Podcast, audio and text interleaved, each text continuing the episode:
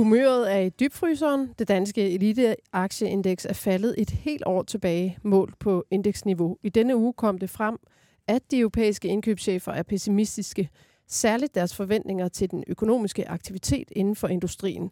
Det viser nye PMI-data for eurozonen, og i Tyskland, der omtales som Europas vækstmotor, er forbrugertilliden også i kælderen. Den slags data har det med at sætte sig i investorerne. Men det ryster vi os her i Børsen Investor Podcast, for vi har ambitioner så høje, at vi i dag skal finde den næste Eli Lilly eller Novo Nordisk. Og vi har sammensat et hold fuld af årlang erfaring og optimisme. Ole Søberg, du er investor og direktør i Nordic Investment Partners. Øh, hvor godt er dit investorhumør? Jamen, det er altid godt, fordi jeg, sådan, jeg ved ikke, jeg må være født med sådan et teflonhud, for jeg er altid i godt humør. Det er godt. Og hvad øh, synes du er let at finde gode aktier i, i det her øh, marked? Til det, det er det fedeste spørgsmål. I virkeligheden så er de allerbedste perioder, det er der, når det hele går på mig til. Fordi så får du kvalitetsselskaber med god vækst til nogle super gode priser.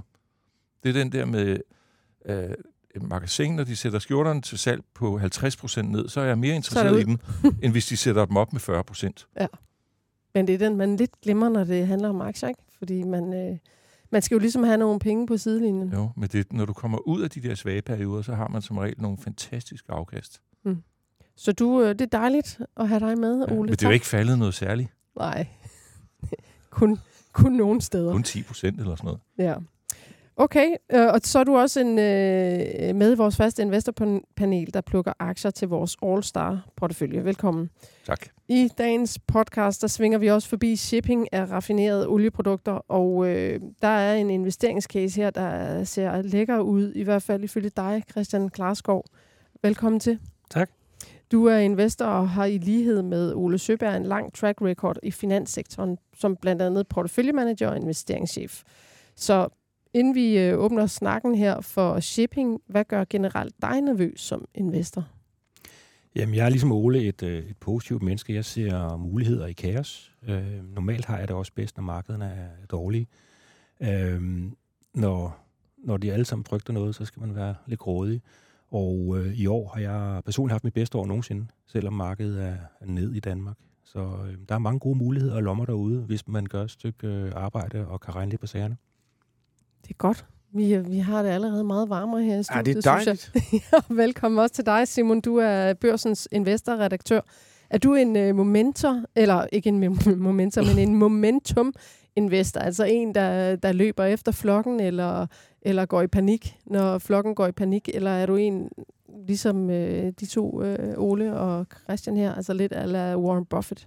Ja, altså jeg tror, jeg er nok den type, der tit kommer øh, lidt for sent efter de der trends der, må jeg indrømme. Det synes jeg, jeg har oplevet nogle gange. Så øh, ja, så jeg, øh, jeg er nok mere den der køb, dele, køber, køb, øh, køb, øh, køb nogle gode ting og, og hold dem. Altså, øh, og øh, lukker øjnene for de her kortsigtede øh, kursudsvinger. Jeg er med for det lange løb. Øh, så, øh, men jeg kunne da godt, øh, jeg kunne da godt ønske mig, at, øh, at jeg kunne have hoppet med på sådan en som øh, Torm, som vi skal snakke om senere, fordi øh, den har da været yderst interessant. Det er jo den bedste danske aktieinvestering i hele perioden, hvis man ser fra 2022, øh, start 2022 frem til nu. Jeg tror, den har givet et afkast på 450-500 procent eller sådan noget. Så øh, godt ramt, Christian. Ja, tak. tak. Vi skal også øh, nå et par aktuelle øh, aktienyheder, og så får vi også øh, Nina Movin, der er direktør i Otto Mønsteds Fond øh, og en af vores faste paneldeltagere med senere. For hun har nemlig solgt og købt en ny aktie til vores portefølje. Velkommen også til dig, der lytter med. Mit navn er Gro Højer Tilst. Denne investor har skabt mere end 1000 procent på Eli Lilly. Her er hans næste farmabet den overskrift trak mig selvfølgelig ind i artiklen, for hvis der er tale om øh, den nye øh, Eli Lilly, er der nok også tale om den nye Novo Nordisk. Øh, og artiklen den handler om en porteføljemanager ved navn Peter Rutter for fonden Royal London Global Equity Select, der i 2015 for første gang investerede i Eli Lilly. Og ifølge artiklen i CityWire har han tjent ufattelig godt på investeringen. Og så peger han så nu på svejtiske Roche, øhm, og siger, at den har nogle af de samme karakteristika, der trækker ham ind i Eli Lilly. Og Ole Roche har ifølge ham en citat fornuftig ledelse kombineret med en billig værdiansættelse, som Eli Lilly også havde for otte år siden, citat slut. Du har lovet at kigge på Roche, øhm, for er der tale om, og et nyt citat her, Roches værdiskabelse er fornuftig, ikke fremragende, men værdisætningen af aktien er fremragende attraktiv, citat slut. Og, og det tænker jeg bare, når man ser sådan en overskrift og hører de her ting, så kan man jo godt øh, få sådan lidt kriblen i fingrene, og så bare hamre ind i aktien. Øh, hvis det er den nye Novo Nordisk eller Eli Lilly. Ja, fordi overskriften, den lyder jo meget besnærende. Mm. Men det, jeg har lært for mange år siden et udtryk, der hedder invest your time before you invest your money. Øh, det var stod på forsiden af IF Hottens øh, research, og der er sikkert ingen, der kan huske IF Hotten, for det blev købt af Lehman, og det forsvandt ud i den blå luft for 15 år siden. Øhm, så tak for, at jeg fik lov at bruge lidt tid på at sætte mig ind i Rush. jeg håber, det er indbringende. jeg har ikke investeret i den, men jeg har investeret i den tidligere. Og når jeg var børsmælder i Alfa på udenlandske aktier, så havde vi en modelportfølje, og i den modelportfølje lå der Roche. Og i Skagenfondene var vi også investeret for et mindre beløb i Roche, men de sidste fem år har jeg så ikke kigget på den, for jeg synes, den var lidt kedelig.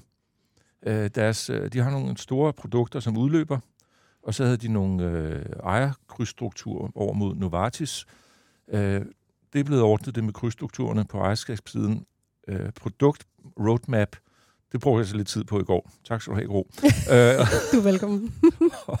og hvis man går ind på Rosses hjemmeside, så har de en, en meget fin faglade med nye produkter og udvidet anvendelse af eksisterende produkter. Og der får man faktisk meget godt overblik på, hvad der øh, er på vej, i hvert fald hvis man kigger på alle de der forskellige farver. Det siger mig ikke noget særligt, men øh, de er faktisk meget gode til at lige sige, hvad der er inden for små cellekancer, og hvad der er for øh, autoimmun sygdomme, sygdomme, altså sådan noget som MS øh, og andre ting. Og de har et par produkter på vej, og så læste jeg artiklen, som du nævnte, og han, ham, som så Eli Lilly tidligt, han ser Roche som et ret solidt selskab hen i 2032. Og det kan jeg faktisk bekræfte ham i.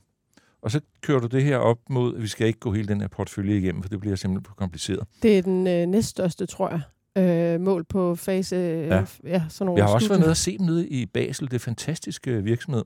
Men kigger du frem til 2027, så i år så har de en omsætning på øh, cirka 62 milliarder Schweizer frank, og den stiger så til 73 milliarder ifølge konsensus. Så 10 milliarder ekstra omsætning de næste fem år, eller fire år. Men det kommer så i, på, bag, på ryggen af, at der er faktisk en del patentudløb. Så de nye produkter begynder at have effekt på, hvordan hele virksomheden øh, udvikler sig. Og man kan også se det på lønsomheden, øh, som faktisk øh, ventes at være stigende i den her periode, og komme tilbage til de niveauer. Den havde øh, 38, lige under 40 procent øh, EBIT-maven, når tingene gik godt i øh, for cirka 10 år siden, og så har du været den her udløbsperiode på patenter, så er de nede på omkring en, hvad bliver det til, 25, nej, 28 procent, og så er de på vej tilbage mod øh, de høje 30'er. Så det er altså super, løn, super, super lønsom virksomhed. Og deres øh, cashflow, jeg elsker jo cashflow, øh, det ligger sådan cirka på en 17-18 milliarder schweizerfranc om året, og det betyder, at at øh, deres, de har en lille smule gæld for øjeblikket, og nu får de lidt mere gæld, for de købte øh, i går. Ja, i forårs eller sådan et eller andet. Ja. Der købte de en øh, virksomhed for 7 milliarder dollar. Men ikke desto mindre, så har de en net cash position på øh, 26 milliarder schweizerfranc, når vi kigger et par år ud. Og så kigger det mm. hele op mod vurderingen, og der var aktiemarkedet jo hurtigt til at se, at der er et øh, udløb af patenter her i den nuværende periode. Det begyndte man at se allerede for nogle år siden, så, så vurderingen gik ned fra 20 gange indtjeningen til 14 gange indtjeningen.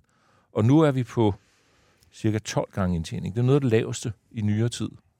Så vurderingsmæssigt, så er, der, kan man sige, så er risikoen måske være på plads. Og får du så en bedre portefølje eller bedre omsætning af indtjening derhen efter 2027, så kan det godt være, at han har ret. Så nu har du fået gjort mig nysgerrig, og der er jo ikke andet at gøre, end at bare sidde og vente. Men du skal ikke vente for længe, fordi så har alle opdaget det, ikke? Men jeg sendte også, Gro, jeg sendte den her artikel, eller intern notat, jeg havde lavet i øh, Skagenfonden i 2014, omkring øh, fedmeprodukterne i Novo.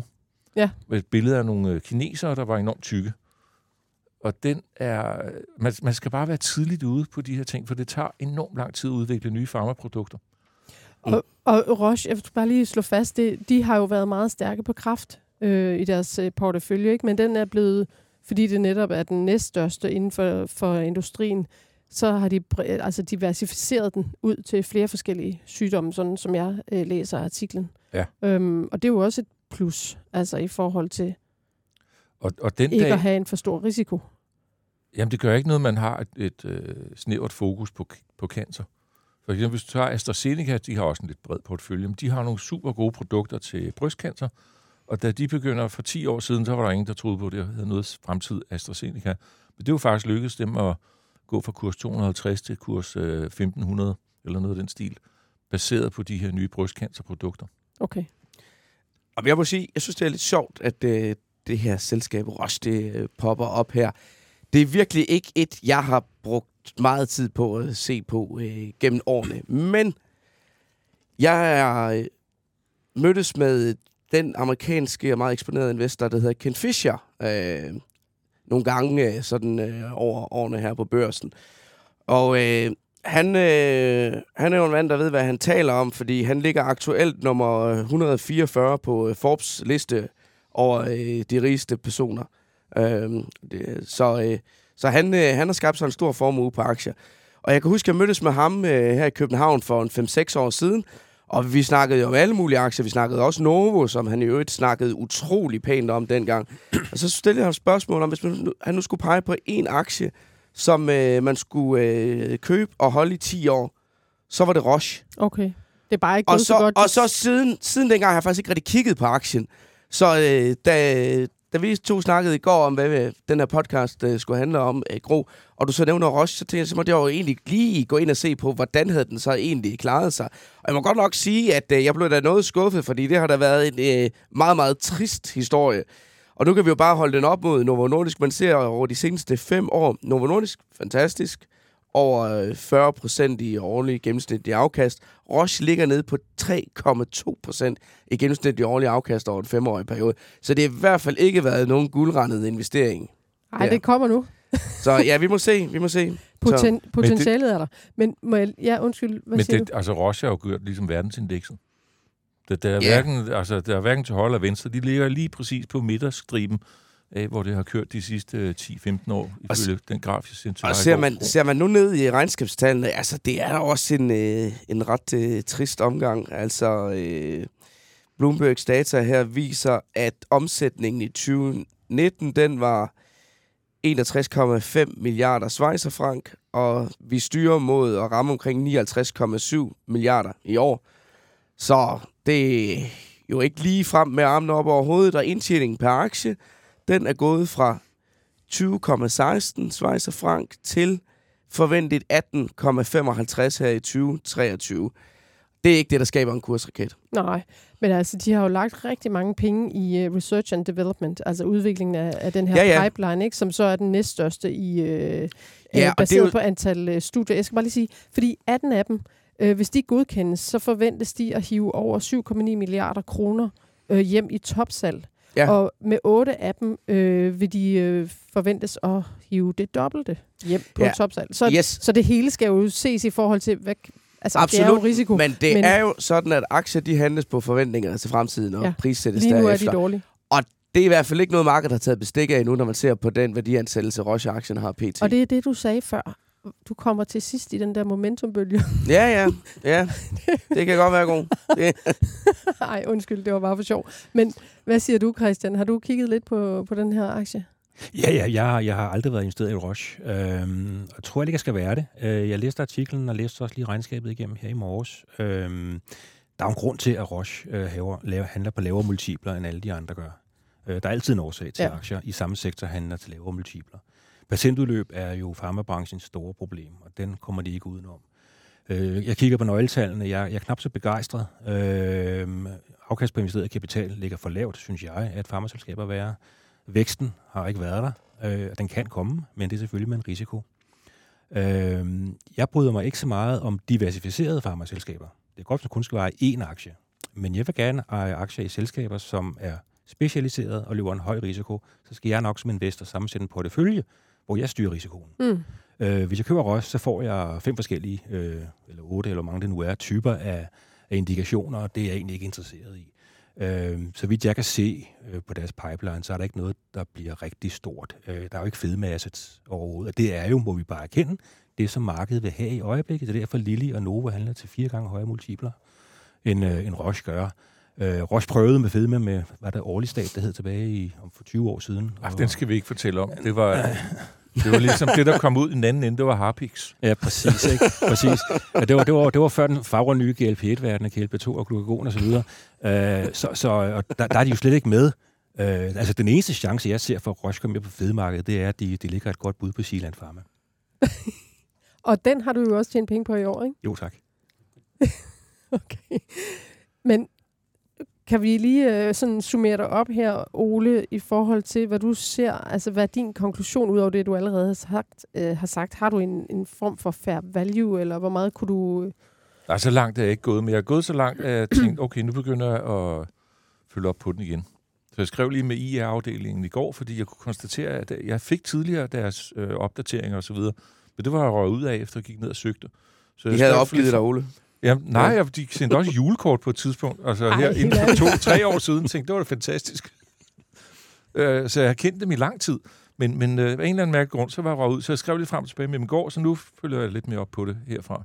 Så kan vi jo tage den på et senere tidspunkt. Okay, så hvis man er interesseret, så bør man øh, dykke ned i den, fordi der er i hvert fald lagt op til, at øh, det kan blive til noget ja. fra, fra ham her, øh, Peter og, Rodder. Og, og, du, og, og cancermarkedet, med alt der respekt for det der fedmemarked, og diabetesmarkedet, det er sammenlagt et marked, som man gætter på en 150 milliarder øh, dollar globalt. Øh, cancermarkedet, som for øjeblikket ligger i underkanten af 300 milliarder dollar, vokser til omkring 500 milliarder dollar i løbet af de næste 5-6 år. Og med den forurening, vi har i verden, ja. så skal der nok også komme Men der mere er kraft. rigtig, rigtig mange fodboldspillere inde på den bane, der hedder cancerbehandling. Ja. Øh, behandling. og der er ret få over på den bane, hvor de spiller øh, fedme og diabetes. Så derfor er det klart, at de er 3-4 gange dyre vurderet, fordi de sidder alene på det, Novo og Eli Lilly, og til dels Silan.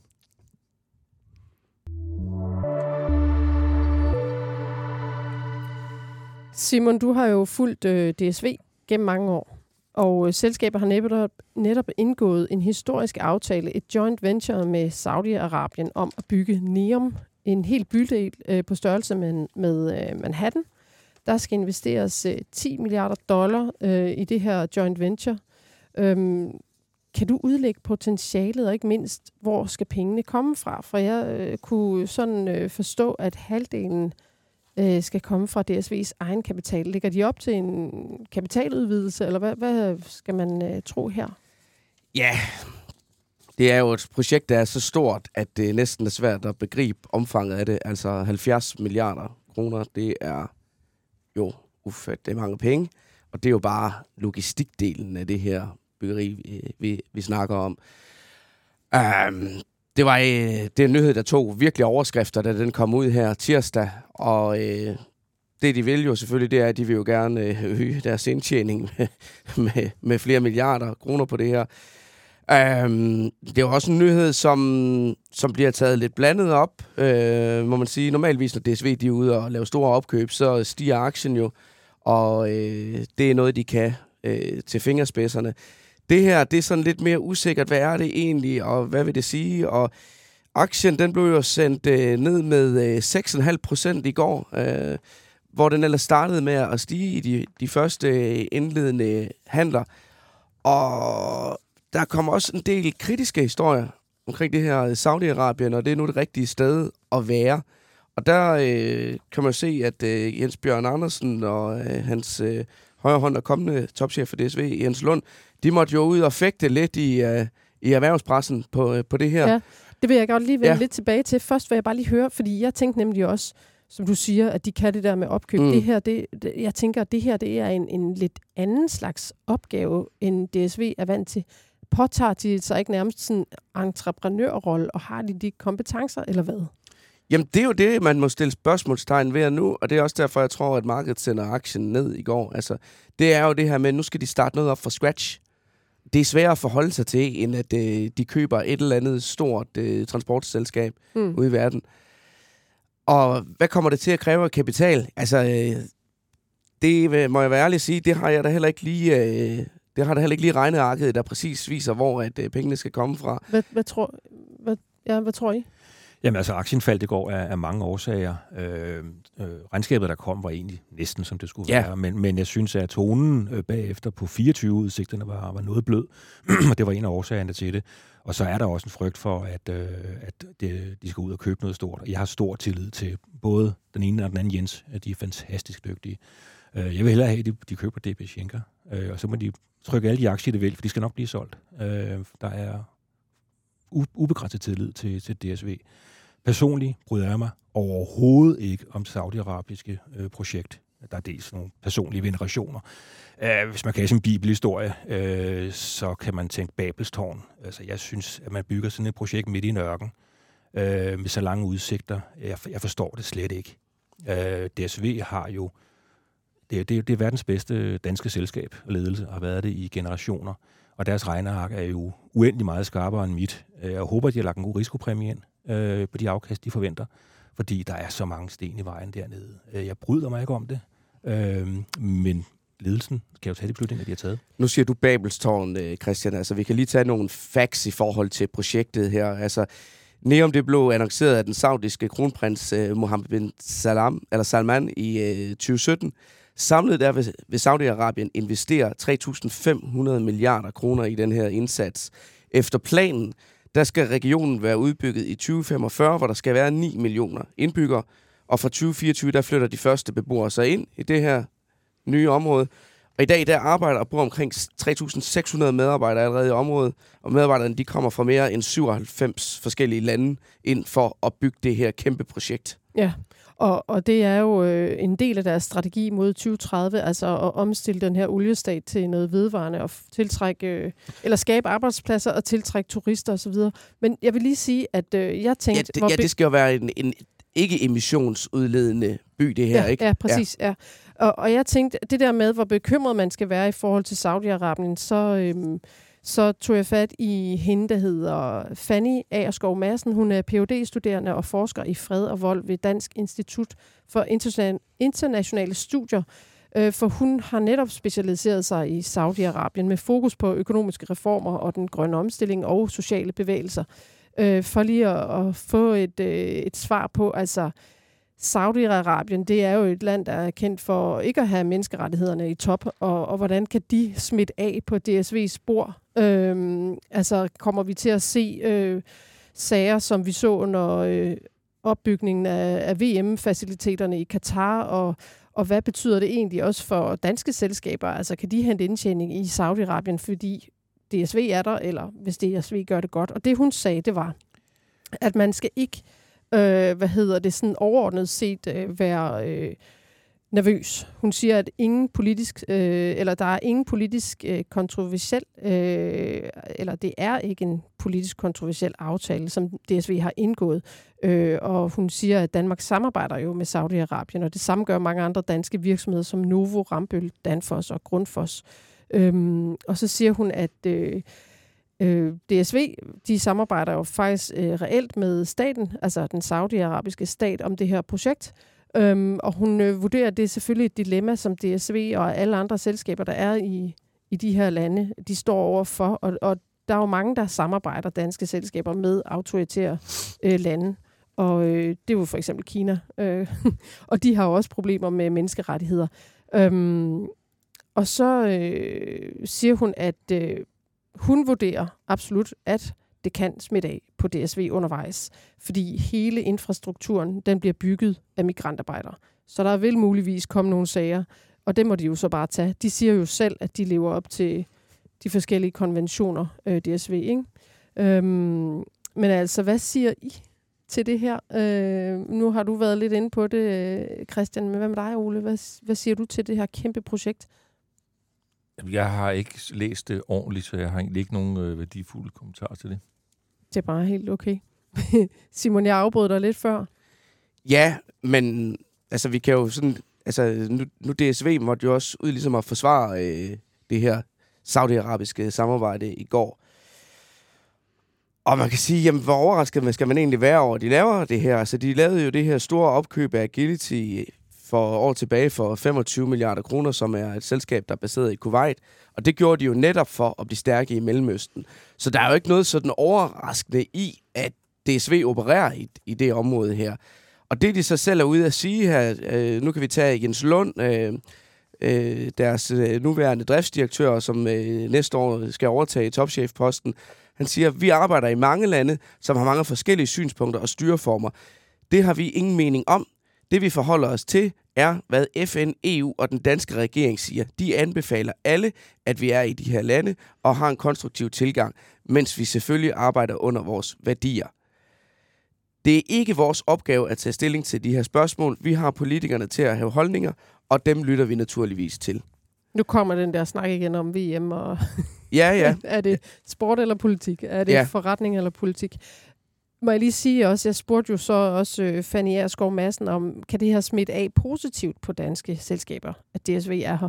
Og så siger hun, mit indtryk fra de saudiarabiske myndigheder er, at Danmark er en ønsket samarbejdspartner på mange reformområder. For eksempel har danske selskaber meget erfaring inden for byplanlægning, affaldshåndtering og grøn omstilling generelt. Så det er, der er meget at hente for de danske virksomheder, og det er også et ønske fra saudisk side. Øhm, i går var der også en reaktion fra Akademikerpension, der sagde, at øh, her stikker DSV altså hånden ned i en vipserede. Mm. Klimamæssigt og menneskerettighedsmæssigt og arbejdstagerrettighedsmæssigt. Så det er jo ja. interessant. Jens Bjørn Andersen, nuværende topchef, han var så ude at sige, at aftalen er baseret på DSV's meget strikse politikker på området. Neom har valgt DSV velvidende om vores krav, og jeg tror, de har valgt os af samme årsag. Ja. Man kan jo bare... Øh, jeg tænkte bare straks på ham her, journalisten, der blev øh, altså beordret med høj tillid, eller middel til høj tillid, ifølge CIA, myrdet af ham her, kronprinsen. Ja.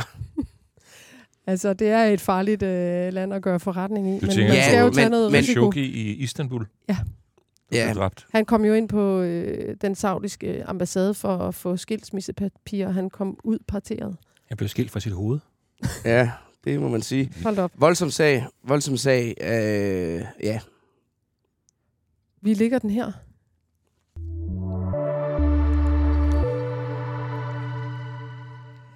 Christian, oven på den omgang, så skal vi snakke om noget, der er, jeg tør næsten ikke sige, at du lagde faktisk hovedet på blokken i juni. Nå, men det gjorde du altså. Du lagde hovedet på blokken i juni, for du var med i podcasten, og så talte du om øh, den her danske shipping-aktie Torm, og du sagde til min kollega Tina Rissing, jeg er fuldstændig klar på, at den case, den er god. Jeg ryster ikke, så du må gerne skrive kurs 166 ned, og så hive mig i studiet senere i år. Og det er hermed gjort. Så hvor ligger Torms kurs i dag? Og hvad er der sket siden? Jamen, det har været en god investering siden. Øh, der er gået udbytter fra, det skal man huske. Det vender jeg tilbage til. Det er jo meget cash-genererende. Jeg vil tro, den ligger omregnet i 225 eller sådan noget. Så det er et afkast på en, en 35 procent i et, i et surt marked. Ja. Øh, så den har været god nok. Så Torm er jeg stadigvæk meget investeret i, øh, og jeg ser stadigvæk, at casen er god. Jeg ser faktisk kun, at den bliver bedre og bedre, som tiden går. Øh, det, man skal være opmærksom på som investor, det er, at aktien er meget volatil.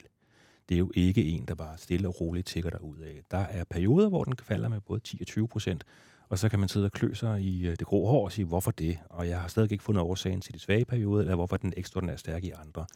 Men jeg har den, fordi det er en strukturel case, som jeg tror på på lang sigt. Ikke 10 års sigt, men på 3 års sigt. Men Christian, kan vi ikke lige spole tiden tilbage til, da den her aktie den for alvor begyndte at løbe i starten af sidste år? Hvad er det, der er kernen i den investeringscase, som har givet det her samlede afkast på 450-500 procent, alt efter hvor man måler fra? Hvis man ser på meget lang sigt, skal man aldrig være investeret i luftfartsaktier, man skal aldrig være investeret i shippingaktier. Det er rigtig dårlig branche at være i. Og det er det, fordi at det er nemt at forny øh, øh, skibe og forny øh, fly. Øh, så hver gang, at der er gode priser, så bliver der bestilt nye skibe. Så derfor har det været en, en øh, industri i mange, mange år, hvor man over, på lang sigt aldrig kunne tjene penge. Det er ændret nu. Øh, og der er en efterspørgselskomponent, og der er en udbudskomponent. Efterspørgselen efter olieprodukter, altså diesel, jet fuel osv., øh, der er den stigende. Alle taler om øh, peak oil, hvornår topper olieefterspørgselen. Så sent som i går var øh, IEA, altså det internationale energiagentur, ude at sige, at vi nedjusterer ikke. Øh, og det er stadigvæk på all-time high. Og hvis der kommer peak oil, så er det måske om 5 til syv år. Og det er jo ikke sådan, at det bare falder bort. Øh, så måske flade ud de næste 20 år. Øh, selvom vi alle sammen godt vil se vindmøller og solceller, bare ikke vores egne baghaver, så må man bare erkende, at olieefterspørgselen er stødt stigende. Der er mange, der er bange for olieefterspørgselen på grund af en mulig recession. Hvis man kigger på finanskrisen, som var en rigtig hård recession, der faldt olieefterspørgselen med 2 procentpoint. Så det er ingenting. Under covid faldt den noget mere, men det var også en meget speciel situation. Så der er efterspørgsel øh, efter det, og det som Torm sejler med, det er ikke råolie, det er som sagt diesel og jetfuel osv. Og, og der har vi den situation nu, at, at det skal hentes i, i USA, øh, for det bliver ikke hentet i Rusland mere. Og det kommer det heller aldrig nogensinde til igen, og der er meget længere sejl fra, øh, fra Golf of Mexico end fra St. Petersborg. Øh, så den er, den er god. Efterspørgselen på ton mile, det vil sige, hvor langt man fragter ting, ligger og vokser 6-7 procent om året i øjeblikket.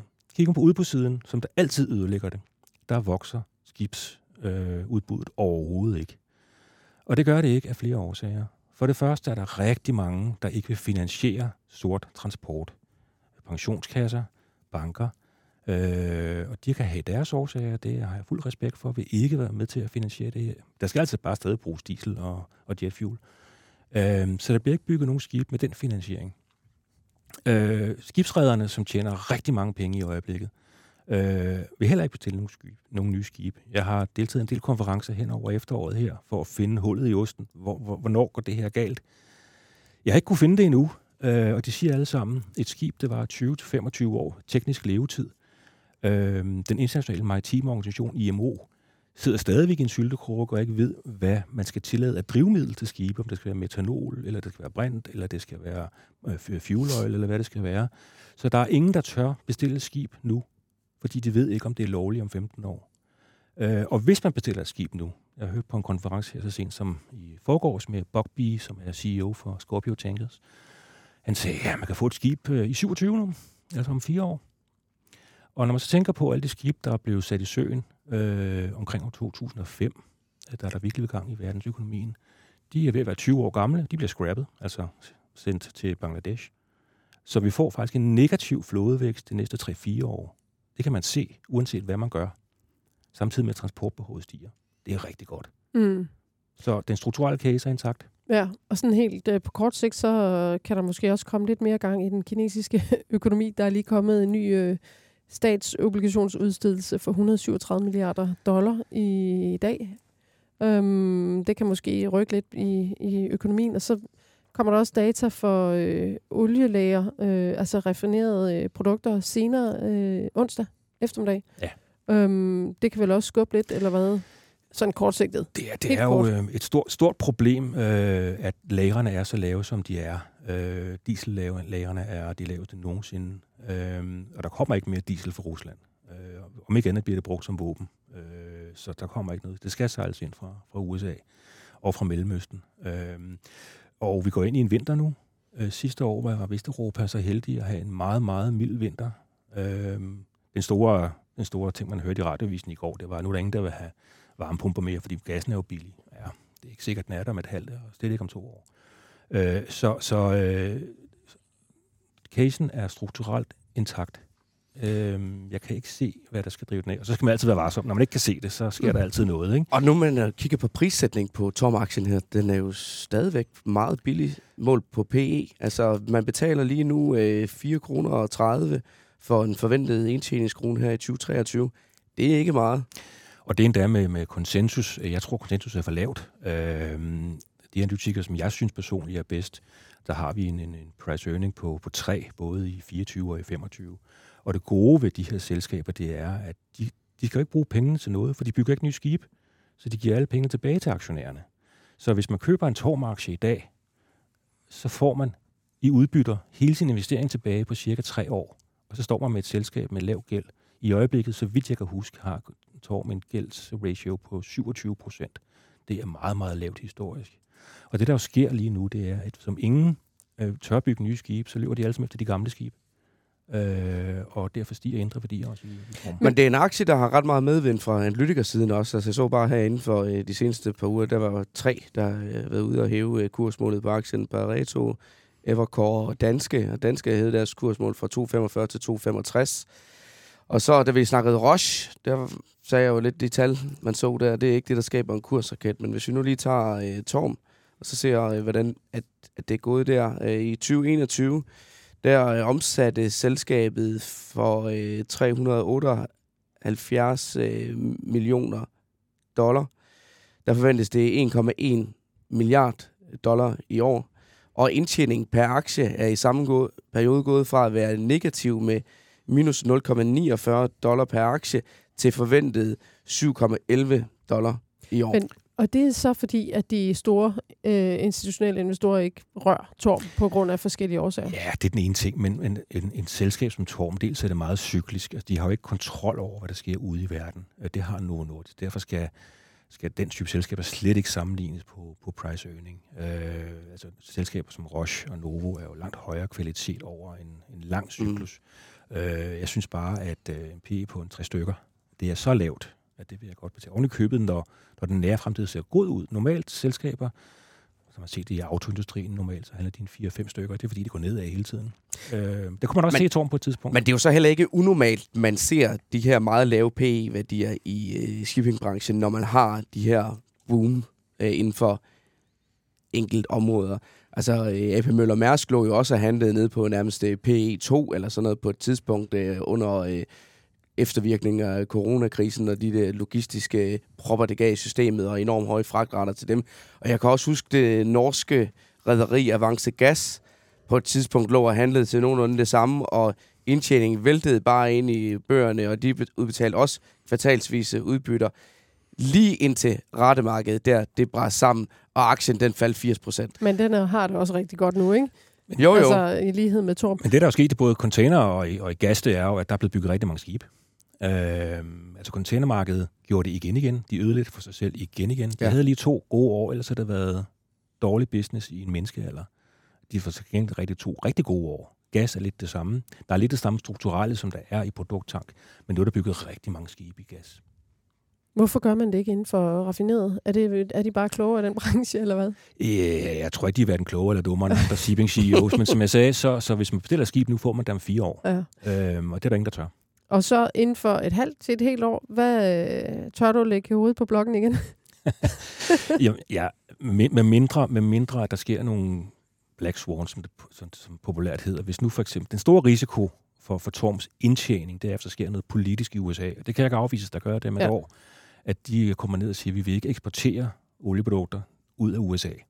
Det vil ikke være godt. Det vil være rigtig, rigtig skidt. Og hvor stor er sandsynligheden for det? Spørg Trump. Øh, jeg ved det ikke, men han kan finde på hvad som helst. Øh, og når vi kan se, at de amerikanske olielager er jo øh, all-time low. Ja. Øhm, og der kan sagtens gå nationalisme i USA. Øh, det skal jeg bestemt ikke afvise med, med en ny præsident. Det vil være rigtig skidt for tankindustrien. Fordi så er der ikke ret meget at sejle med. Russerne leverer ikke noget. Saudi-Araberne, de trykker på knappen, hvis olieprisen er for lav. Og hvis amerikanerne holder op med at eksportere olie og produkter, så er det noget rigtig skidt. Okay, så det er den store risiko. Det, det er en kæmpe risiko, øh, men den, den er der ude i fremtiden. Øh, på, på, på kort sigt, øh, jeg, kan, jeg kan ikke se, hvad der kan deraile indtjeningen. Øh, på kort sigt, det er en 2, 3, 4 kvartaler. Nu går vi ind i de to, tre stærkeste kvartaler nu her. Øh, en ting, som, som kan være risiko for aktien, øh, det er, at Oaktree, hovedaktionæren, lavede jo verdens dårligst timede forsøg på et, et salg af nogle af deres aktier for et halvt års tid siden. Jeg håber, de har lært af deres fejl, men øh, det er jo deres aktier og deres penge, så de må gøre, hvad de vil, og jeg har ikke en telefonlinje til Oaktree, så det ved jeg ikke noget om. Men hvor, hvor kunne du forestille dig aktien henne inden for den nærmeste fremtid? Jeg, jeg, jeg synes, at, at aktiens øh, indtjening øh, siger kurs 300 øh, inden for det næste halvår, øh, og man skal hele tiden huske at korrigere for udbytterne. De betaler jo 10-20 kroner i udbytte per kvartal. Ja. Men øhm, så må man holde øje med den politiske vind i USA og øh, hovedejeren.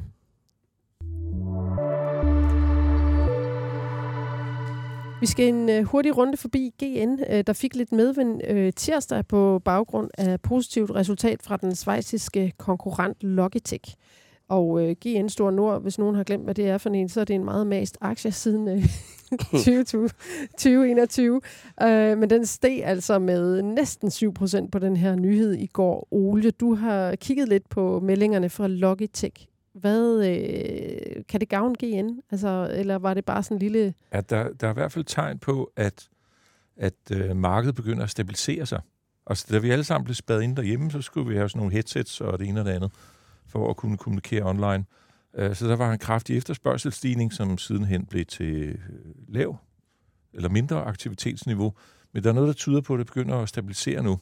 Og der var Logitech, de er jo store på det her marked, så det var faktisk en positiv nyhed. Så jeg kan, helt for, jeg kan sagtens forstå, hvorfor GN steg de der 7% i går. Men så i går aftes kommer der så en tysk virksomhed, som hedder Cherry, som laver keyboards til sådan nogle med lys i, som hvis I kender dem. Jeg har ikke selv lidt, men teenager og folk, der gamer, de har sådan noget. Øhm, men de fortalte sig om aktivitetsniveauet ikke er særlig godt. Så, så det er ikke, vi er ikke ude af tunnelen endnu, om man så må sige. Men vi begynder at se de første tegn på det. Så, så øhm, nu har Lars Hytting, han har jo købt GN ind i porteføljen. Ja. Men så på vi har 100, kurs 125 eller sådan noget. Ja, 127.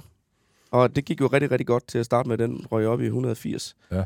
Så havde de deres ikke så vellykket tur ud i kapitalmarkederne, hvor øh, investorerne gjorde oprør imod, at de ville øh, hente de her, var det ikke en 7 milliarder, til lige at dække den gæld ind, de havde lavet på købet af gaming-virksomheden SteelSeries.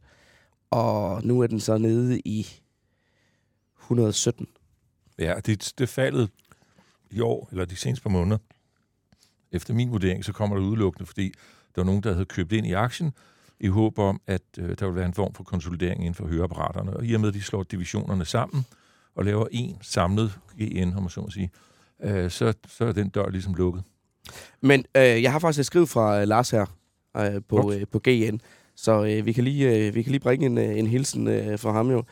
Øh, han, øh, han skriver, øh, Logitech øh, med opjustering og tal, der var bedre end ventet.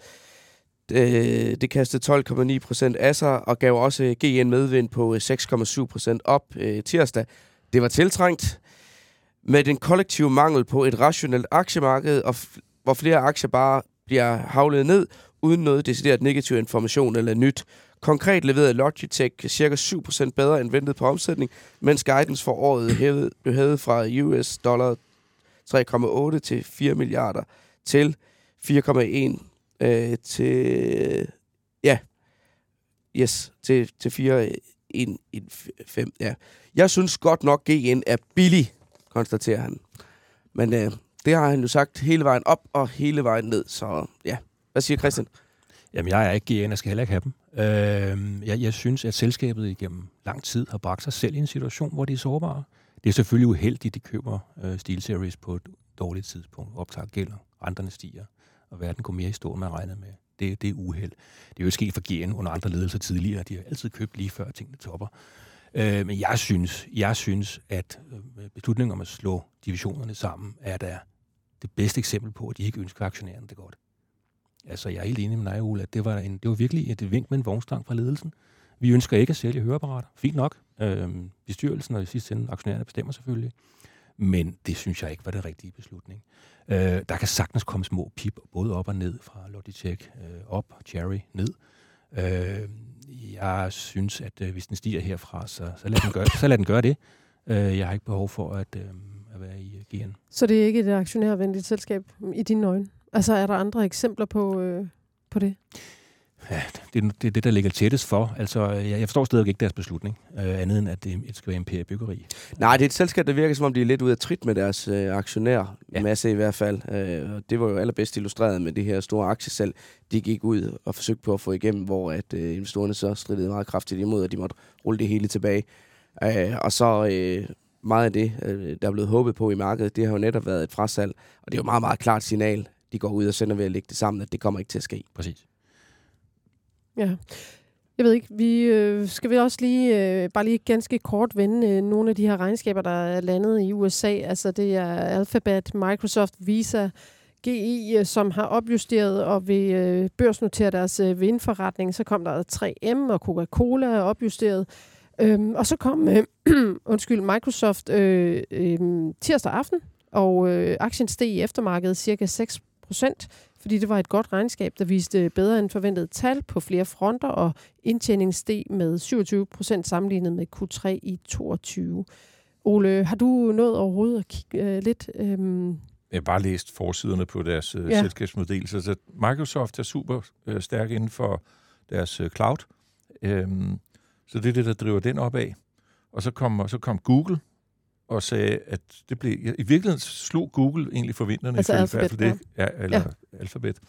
Øh, men øh, deres øh, frem, den fremadsigtede, øh, det var ikke helt tilfredsstillende, så den falder 5 procent.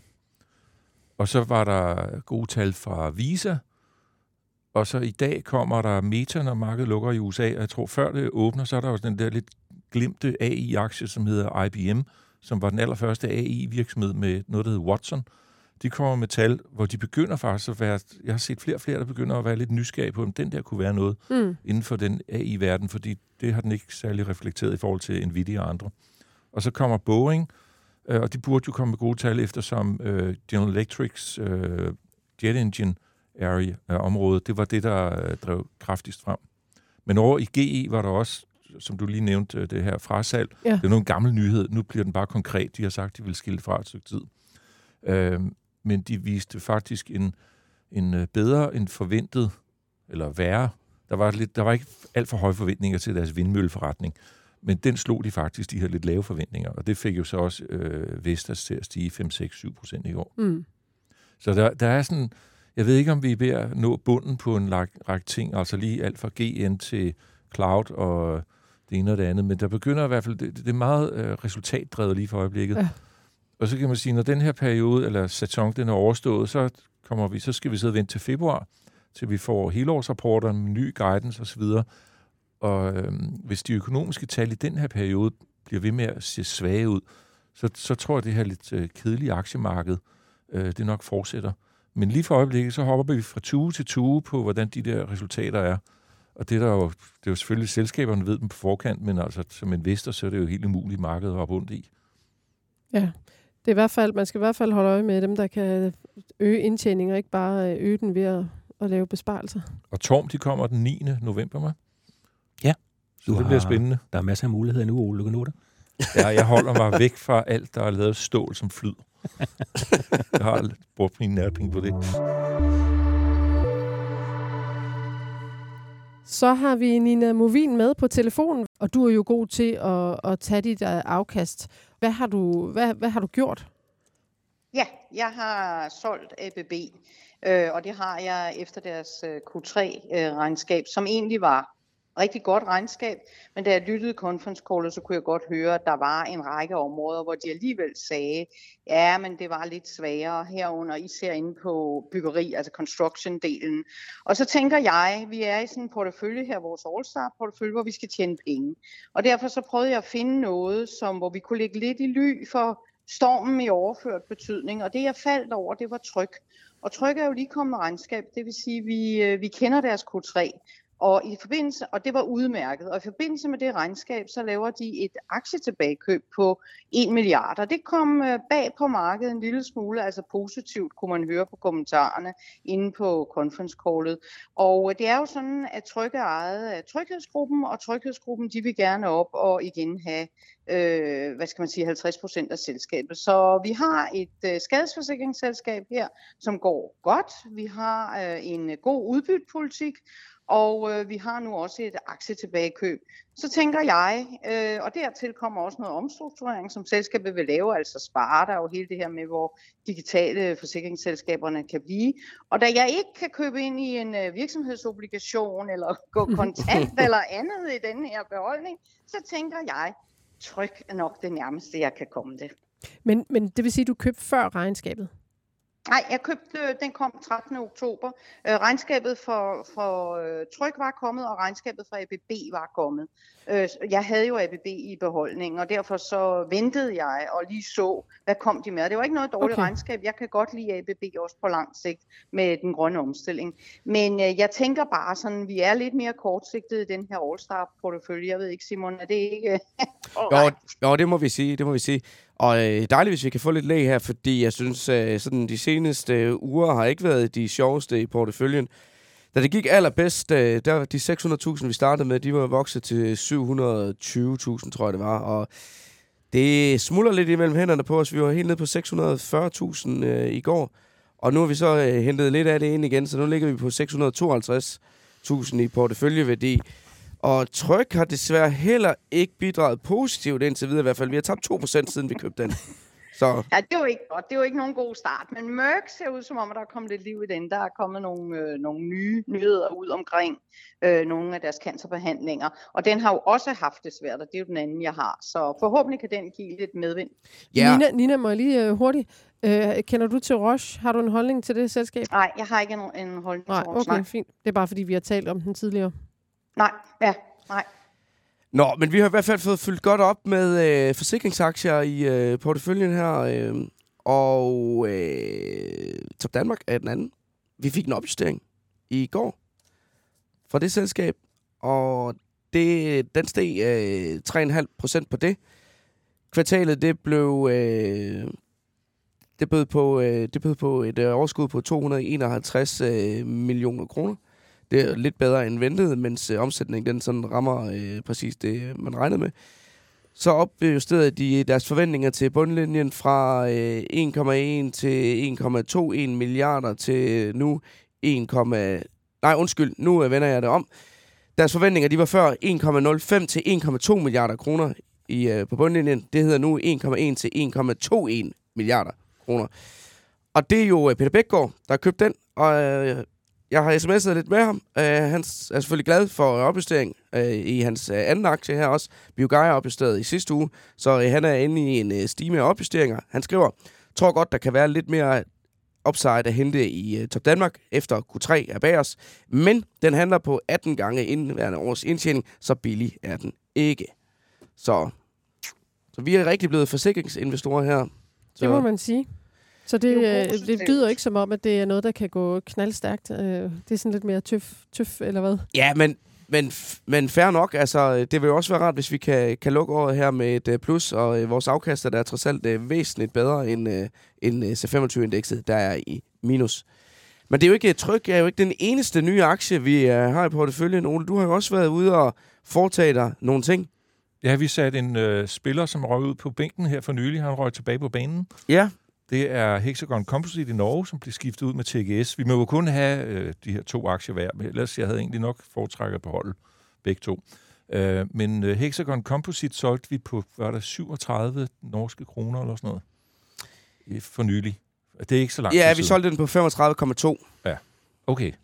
Øh, og så 15. september. vi den tilbage på 26 eller 27 her en måneds tid efter.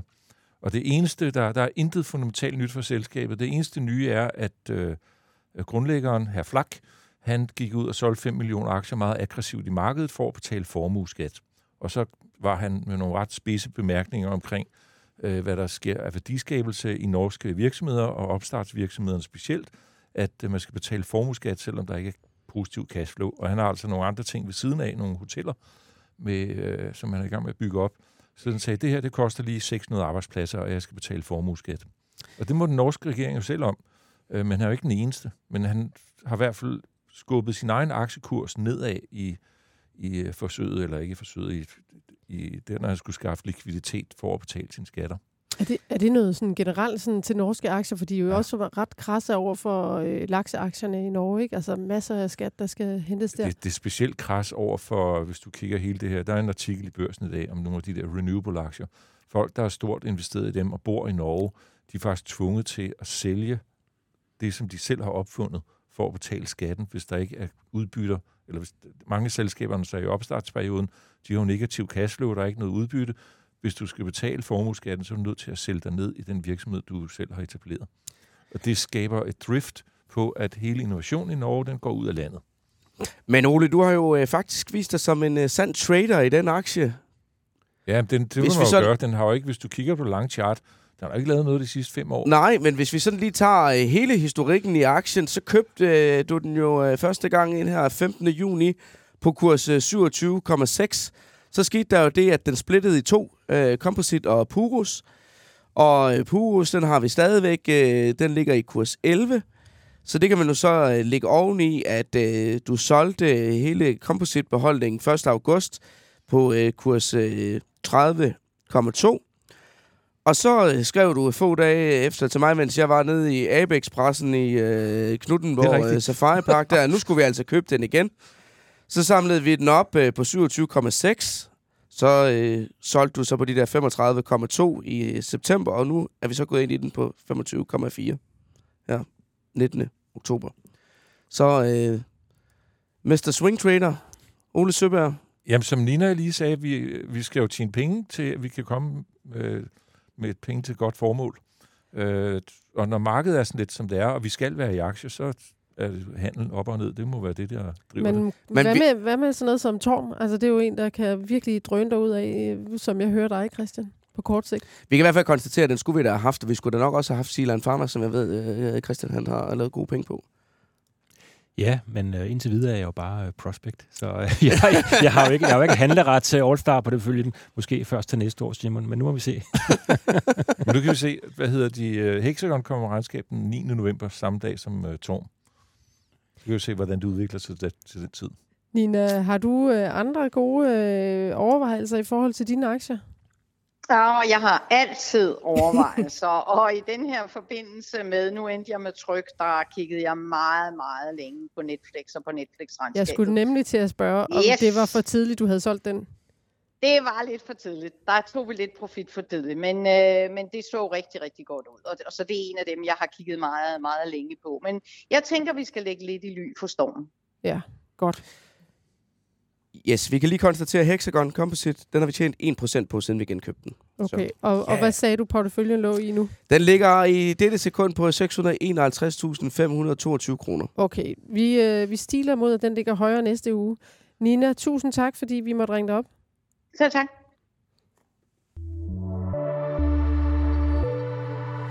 Sådan fik vi omfavnet en masse aktier, forhåbentlig til inspiration og lyst til at høre meget mere næste gang. Tak til dig, der lyttede med. Husk at blande inspiration og idéer fra andre med lige dele sund skepsis og egne analyser. Tak til jer i studiet. Ole Søberg, investor og direktør i Nordic Investment Partners. Til dig, Christian Klarskov.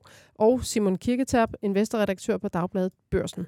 Arjuna Alexander Koldkurs Sørensen stod for teknikken. Mit navn er Gro Højer Tilst. Tak til jer, der lyttede med.